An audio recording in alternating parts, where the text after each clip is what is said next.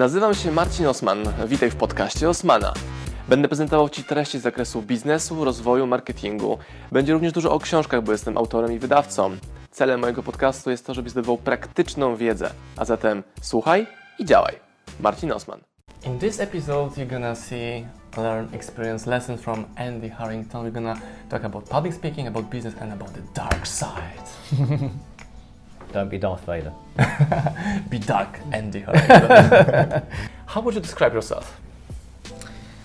Well, I guess I'm just like an ordinary person, really. I don't really think of myself as anything other than just, you know, little old Andy Harrington, I suppose. Mm.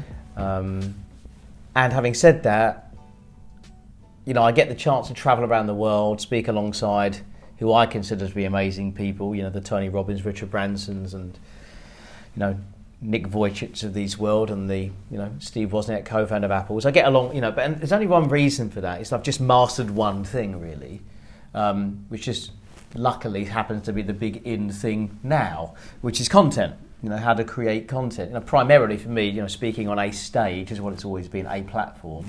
Well, today those platforms are different. You know, we've got this platform here, so there's digital platforms as well now, isn't it? So with entrepreneurship today being so much more popular than it was even 10 years ago. Now it's much more sexy, right? Yeah. Like people want to become entrepreneur.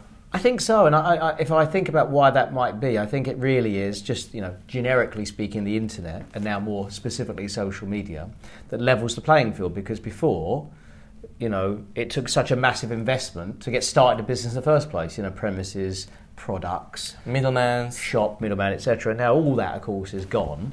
Um, the gatekeepers have kind of disappeared. Um, but of course, the challenge is the gatekeepers now are still the gatekeeper in people's head. Uh, that's still preventing them for, from getting out there. So, um, I guess the challenge for most people now is that because it's a double-edged sword. It's the, the, the barrier to entry is so much easier to get started and get in but obviously now that means everybody everyone can, can get it. in. So, but not everyone actually are doing it, right? No, and, and correct. Uh, and most people kind of get in. They sort of say they are an entrepreneur, but really what that means is I haven't got a job, uh, or I'm, I'm kind of entrepreneur sort of thing. And um, that's not kind of the same thing. So I cannot find a job, so it means I'm an entrepreneur, right? I mean, that's good in one way. if you're unemployable, I mean, that's that's in one way good, isn't it? Because it means you've you've got no other options. But I think a lot of people are playing around the edge because um, you know, the, you know, say you've got a business, but unless it's generating revenue for you that you don't have to do anything else, or be supported by anyone else, um, your partner, the government, etc., not really in business.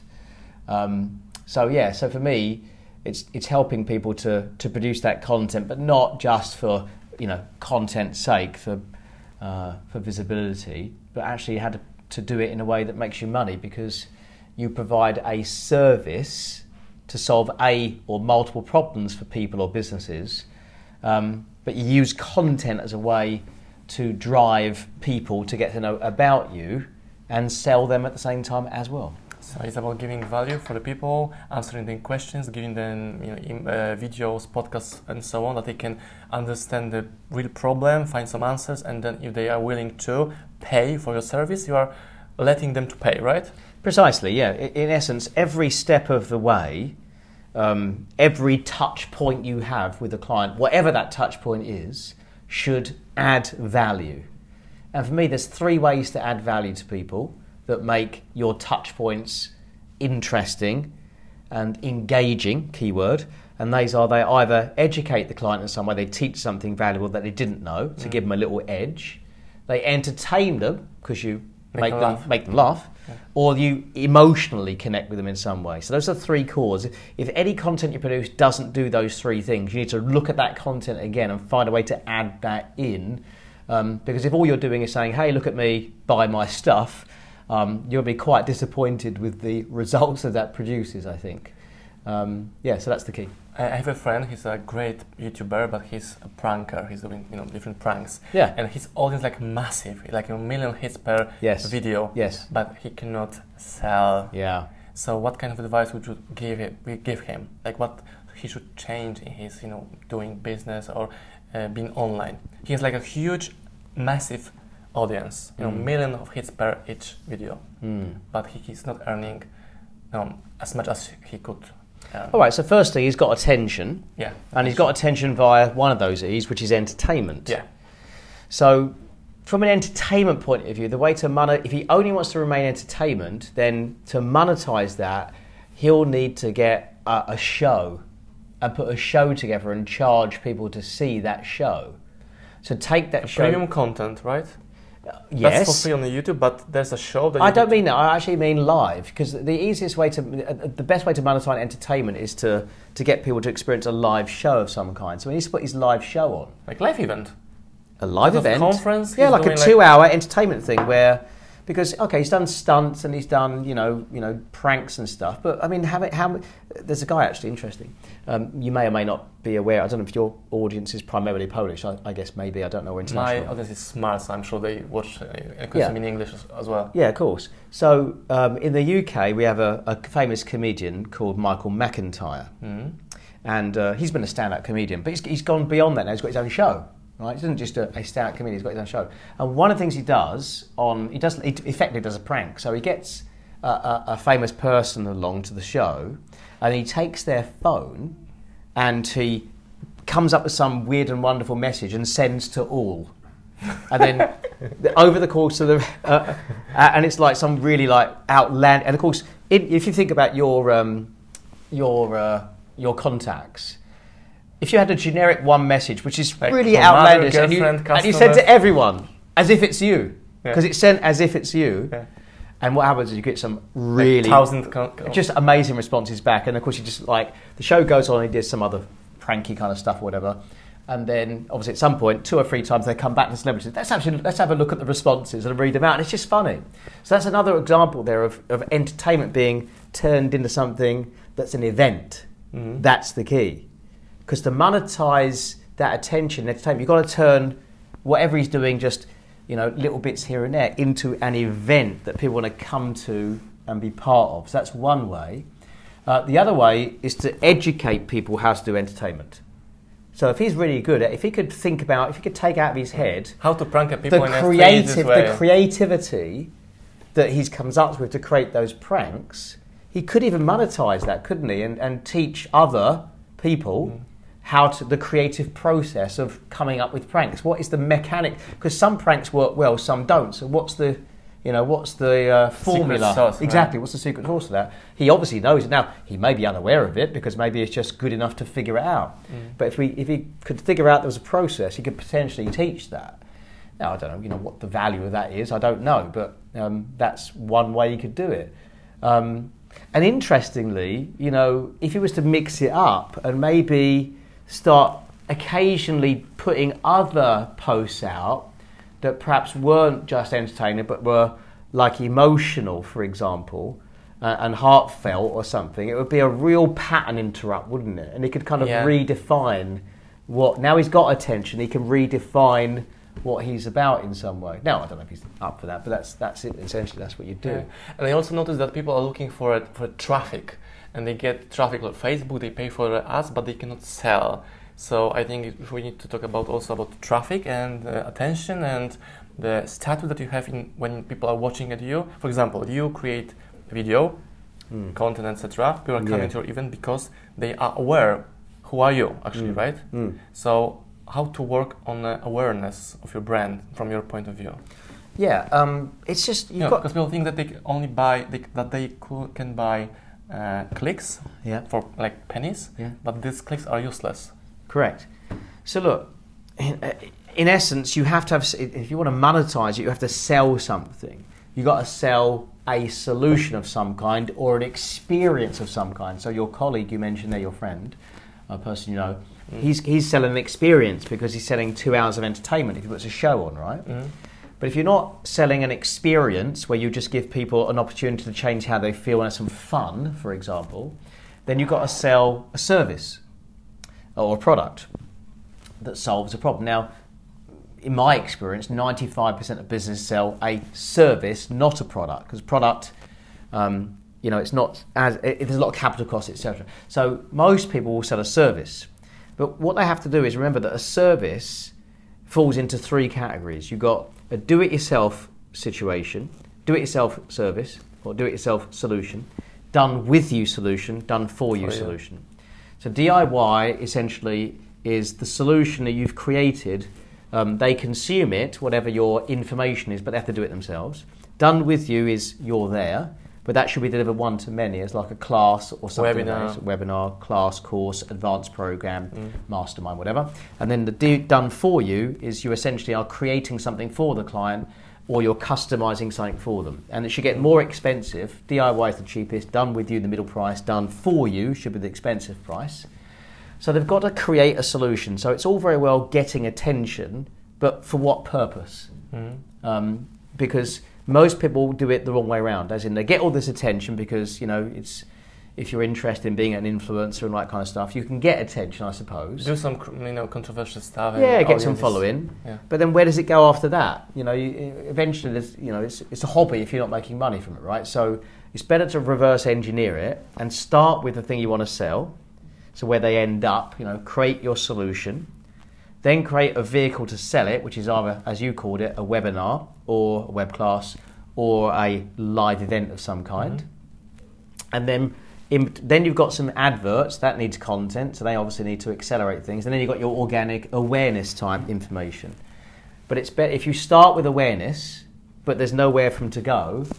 It's kind of like you've got attention of people, but then they're kind of like for what for purpose? Doesn't go anywhere. But there's a lot of people who will take money from them if we are not letting them to pay us because people are watching us on a video and etc. And if there's no like link below the video to click, Mhm. they will find ways and place in, you- in a website directing them to different people, different companies, right? Correct. Yeah, it took me a lot of time, a lot, a lot of time to understood this because you know I was doing uh, free content, uh, many things online, and I was starting, you know, uh, see pictures of my customers who bought a book in me, in my company like for ten quid, Mm. taking part in other expensive class seminars live done by other people. Yeah, because the book is a DIY. yeah, in essence, you read the book, the author isn't there, um, but they're there in printed, pre written format. Mm. And that is a great tool, and people, but then any of the information in the book, the person has to then do it themselves to act mm. upon it. The, the author's not going to hand hold you.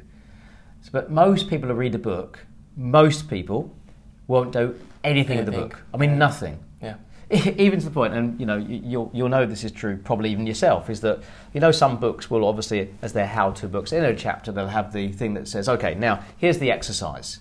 Do da da da da da. Now, whatever you do, don't skip this exercise. Then- do not read on to the next one. Do this exercise now because you're not going to do the exercise now. There's no point in you reading this book. And the person goes, and that's not like well done because you did all exercises. Oh no, no. First thing, did you do the exercise? no. If not, go back. And the person goes, no, let's still don't do it because that's the point. Because th- the point is, when someone's reading a book, they're in consumption mode. They're not in implementation Correct. mode. Correct. Right.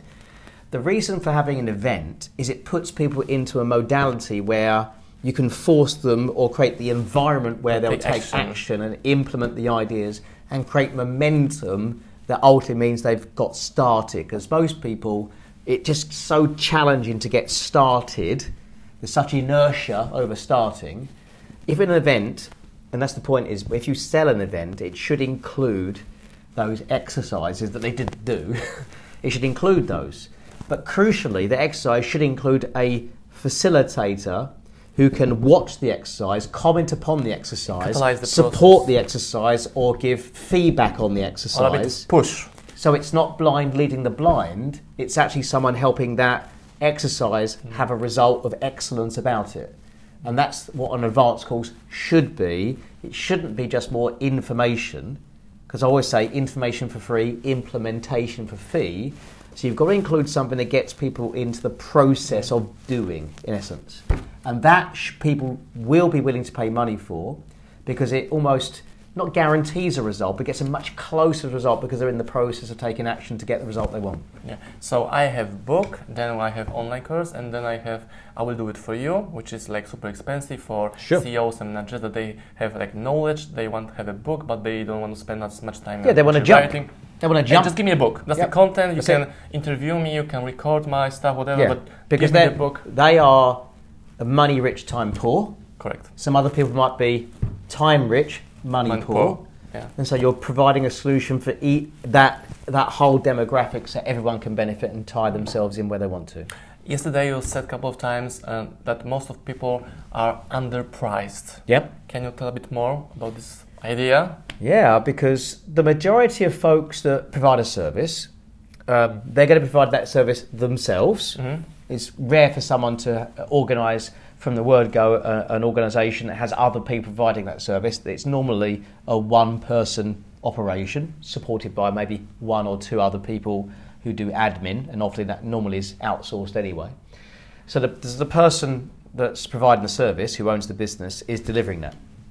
And what they normally do to get that business is kind of just go out there and hunt for that business, network meetings, etc., trying to really be lucky enough to come across the right person at the right time with the right problem that you can solve, right? Which is really hit and miss. And so they go out find. They find a few every now and again, then they work with those people. But what they're not doing um, is they're not creating anything that raises their profile and their positioning such that ultimately people come to them to sub- when they've got a problem rather than them having to go to that person and sell themselves to them. It's almost the other way around. The other person has to sell themselves to you. It's like a push-pull strategy, right? Right, exactly. So the push obviously is the traditional way, go out hunting for it. The pull is they come to you because you attract them because, well, as we just said, the way to attract them now Mm. is through content on social media, um, and that's the attraction strategy. So the reason they're undercharging is because they've got no positioning. So and when you've got compare no themselves to different, the other people who are more Yeah. famous, or, yeah, or, or yeah, market is saying that blah blah, it costs this. correct. So they go out and they charge what they think is a price, which is often, you know, Yeah, more or less, okay, yeah, this price just because, and that's obviously the problem is that when you when you charge, your the, what you charge is often reflective of your self value, your self worth. Yeah. How much am I worth? How much is my solution worth? And the thing is that if you haven't got that many clients queuing up to have it, there's not a lot of validation, is there, from the marketplace that you're good. So it's almost self fulfilling that's like, I'm, I can't charge much because I'm not able to sell that much. So you think price is the factor. It's not. it's not. It's not. It's marketing. Poor skills, uh, selling skills, or poor marketing, or lack of position, or lack of brand, Yeah, exactly. of awareness. And it's double whammy as well because if you don't win lots of business, you don't get to evolve your Mm. service much either because it doesn't go through 10 iterations of working with people to figure it out. And so you're kind of dusting around, scratching around down the bottom there where everybody Mm. else is. So what people have to do is is figure out okay, if I know what my area of expertise is going to be and I know who my typical client is going to be, how do I create content that speaks into that? Speaks into their problem in a way that makes them realize that I understand their problem. Because that's the key is you'll gravitate to people who you think completely understand the problem that you're going through either because they've been through it themselves or they've worked, been closely associated to someone who's gone through it or they've worked with enough people who've gone through it so they've got a solution for it. And you talk into that problem the other person goes wow that's, that's they're, t- they're talking about me. And that's the content and then if you could start suggesting that you've got you know ways and tips around it that's what your content is Uh, and eventually, you know, at some point when that person crosses a pain threshold, at the point now, well, okay, I, I really kind of need a solution now, you become the automatic choice. It's trust. It's already built already. So it makes the transaction at the point now where the person's ready to buy, it's a much there's so much less friction in the sale because all of that trust, credibility, authority is already built. and putting out content makes like micro celebrity.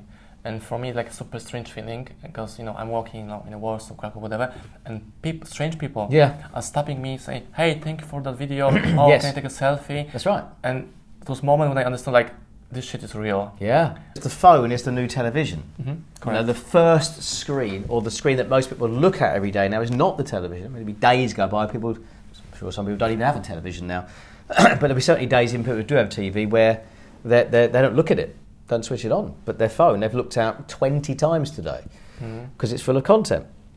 And the thing that you know blew my mind yesterday because you, you said it like many times was you need to become producer, not consumer of Yeah. content. Yeah, exactly. Most people are scrolling Yeah, and consuming and consuming, shit. consuming content, which means you're going to, in essence, spend time and probably money if you get attracted to somebody else's stuff.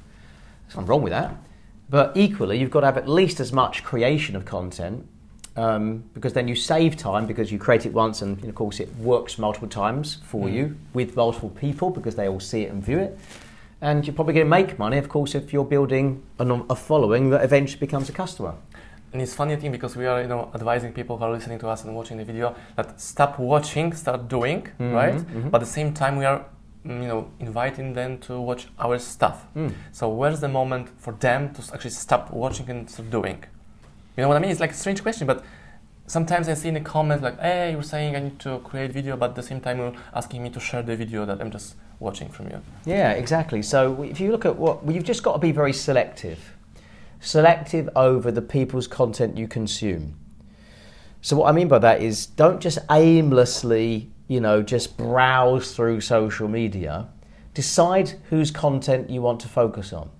And the reason you want to focus on their content is either because you find it entertaining, and that's nothing wrong with that, you should be entertained and have fun, um, or they're ahead of the game where you are, Yeah. and so you want to learn that. But if you're just watching random content delivered to on your newsfeed by what Facebook thinks is that you want to see, um, then you're at the whim of the algorithm, aren't you? So you want to decide whom you want to consume content from.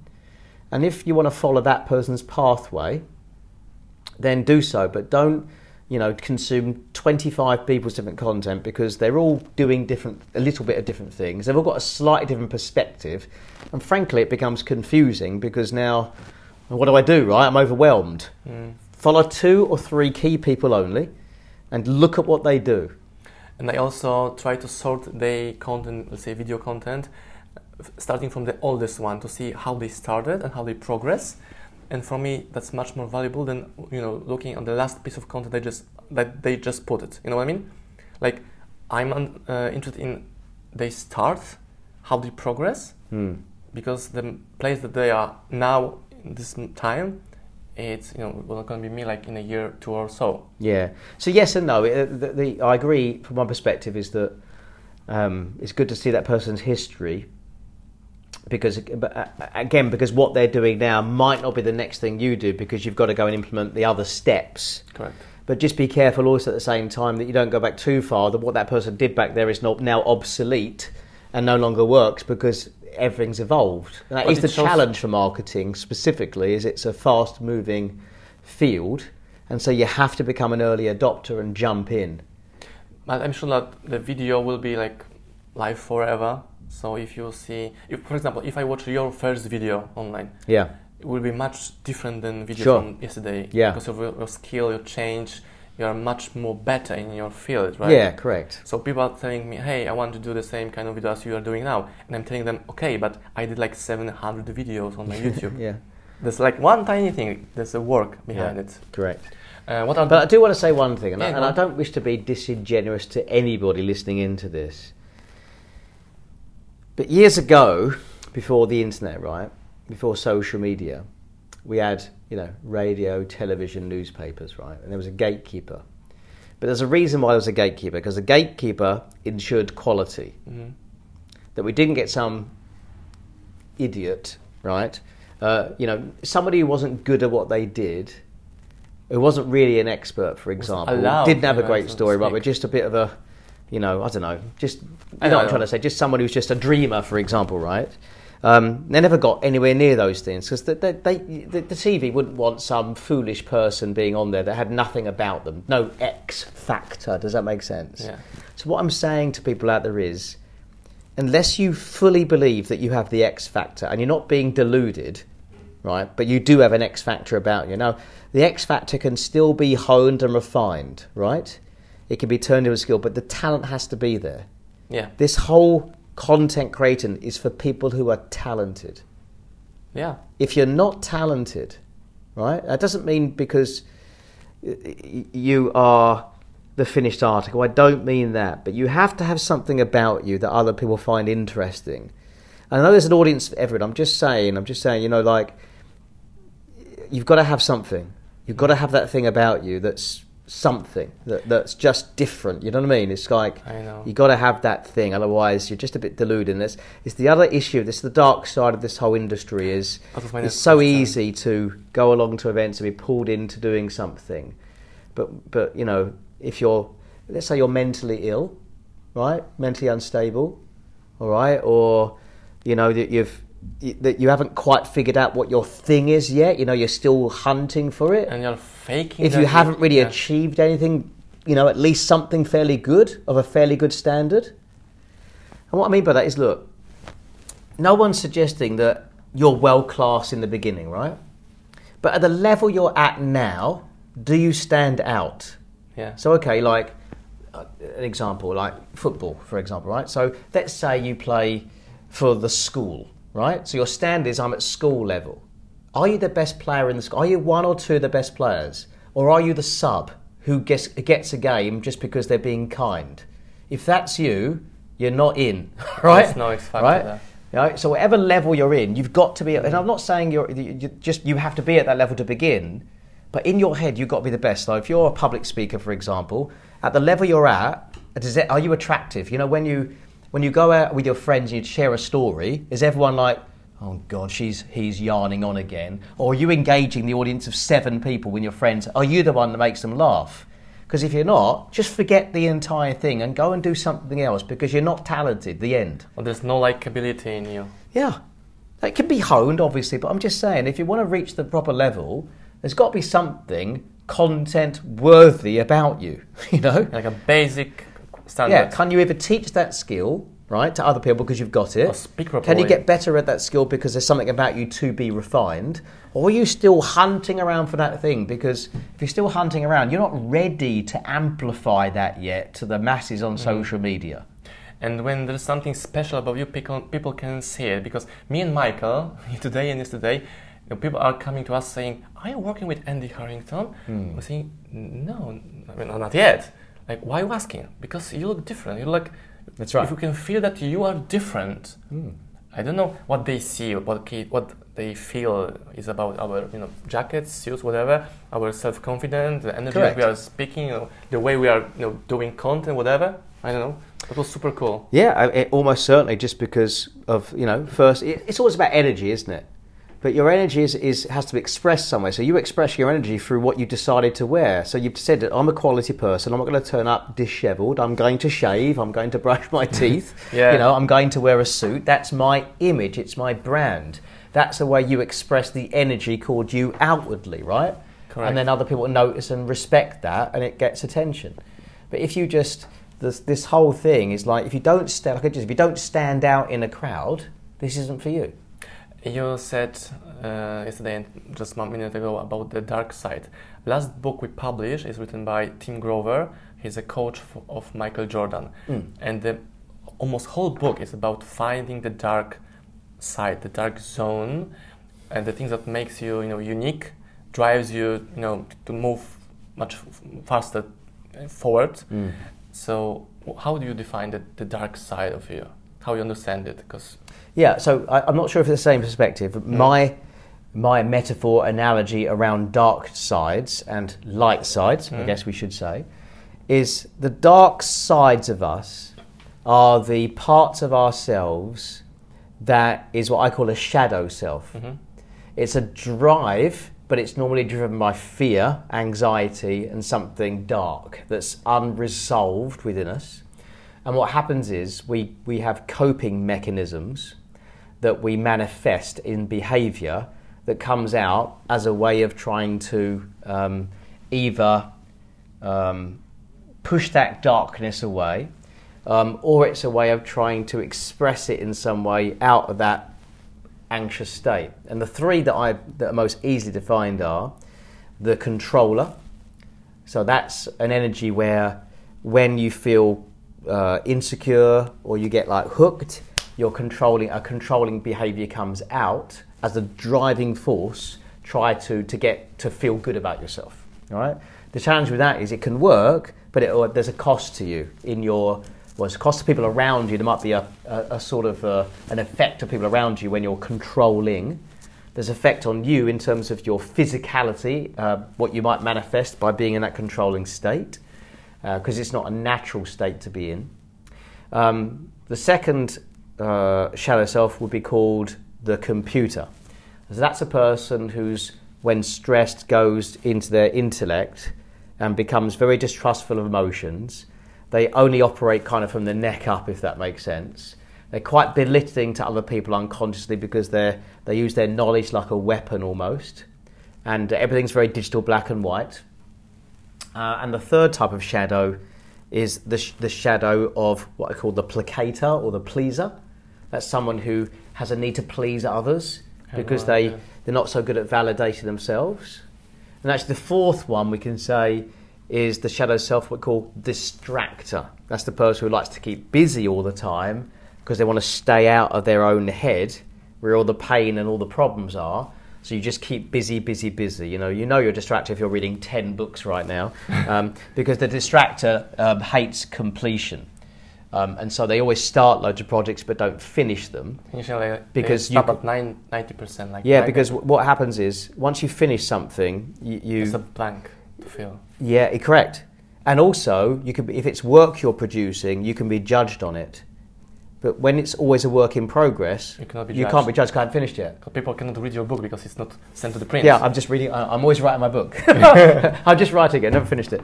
Um, so that's all the shadow I've not cells. finished my seventh book. And you can be very successful operating like that. From the dark energy, you can be very successful as a controller. You can be successful as a computer. You can be successful as a, a pleaser placator, and you could be successful as a distractor with that energy. But there's a cost. Energy. It's not. It, it won't. It'll. It will you crash at some point. You'll crash uh, because it can't be sustained. And so the goal is to try to think of what is the what's the good sort of good use of the energy of those dark sides. So if you draw a line between the middle, if you like, and think about the, the, the light side of the controller is what I call the warrior. The warrior. So, what's the difference between the controller and the warrior? Well, actually, the difference between all these light sides versus dark sides, the dark sides are all trying to get something, and the light sides are all coming to give something. So, the warrior gives protection, the warrior gives courage to others, the warrior fights for what is right, protects the boundaries of the kingdom. That's what a warrior does. But the warrior needs something to do. So the warrior can't come out unless it has a focus and a discipline to it and a mission to it. So if you grew up and you don't set goals, you don't have missions, you don't have visions, then the energy doesn't go away and it often gets expressed as the controller because it's, it's undisciplined. So, and then the energy of the, um, the computer, the good side of that is the sage. Whereas the computer does not want to share knowledge and know how to make you more powerful because they're afraid that they will become less powerful. Power, yeah. The sage wants to share power and wisdom and knowledge because they realize they will become more powerful the more they share. So that's the Mr. Miyagi, right? Yeah. That's the, that's the Obi-Wan Kenobi. Strike me down, I'll become more powerful you could ever possibly imagine, right? That's like that piece. And then you've got for the pleaser, the good side's the lover. So the lover gives because their cup runneth over. The pleaser gives because their cup is empty and they hope that if they if they can please you, that you'll validate them and their cups full up. And then the last one, which is the distractor, the good side of that is the jester. And the jester's job in the court of king and queen was not only just to entertain, but the job was also to make fun of the king or queen, um, so the king or queen, king or queen would have their feet on the ground. They could properly rule because they didn't get so dissociated from their subjects. And so the job of the jester is to take life lightly, to be spontaneous, to be fun, to be a kid again. Because if you do all of that other stuff but you don't have fun, what's the point? What's the point? There is no point because joy is one of the greatest satisfactions we can all have. We're born into wanting to play. Joy, fulfillment, right? Yeah, that's it. Why are you doing it all? Because you want life to be fun. Who wants who wants all this money if you can't enjoy it and have fun? Who wants to have love if you can't enjoy it and have fun? Who wants to have a business if it's not fun? Super, super, super dope. So super dope. Yeah. So for me, it's about and all of us will dip into our dark side every now and again. It doesn't go away. Yes. So our goal really is to try to strengthen our archetypes, our light sides, strengthen those so we have less hook into becoming uh, the dark side. But if you don't have a focus on it, if you don't have Focus direct the energy. in just just a, every one of those needs it needs a way to come out. So the warrior needs something to do to come out. To the fight with. sage needs a way to express itself. Mhm. Um, the lover needs an expression to express itself, and the jester needs a way to express itself. And you've got to find a way to, and that's how you create balance by expressing. The opposite of expression is depression. If you don't want to be depressed, express. If you see anyone who's depressed, well, there's a reason why they're depressed because it's not expressing how they truly like feel. an implosion, not explosion. Yeah, it's a very internal kind of feeling. And that's why people get lonely and stuff because they just don't express because of fear. Thank you so much. It was very deep, concrete, and amazing content for Polish or English or worldwide watchers, readers, listeners. Yeah. Thank you so much. Ah, it's been an absolute pleasure. Uh, Uh, always a pleasure to be friends with you because you are one of those people that stand out from the crowd. Thank you so much. All right, thanks. Cheers. Pozdrawiam Was, moi drodzy podcasterzy, słuchacze mojego podcastu. Dziękuję, jestem Wam na maksa wdzięczny za to, że mogę z Wami spędzać czas w podróży, po to, abyście mogli do mnie się uczyć i ja, żebym mógł budować z Wami relacje, będąc w Waszych uszach, w Waszych samochodach, w Waszych podróżach.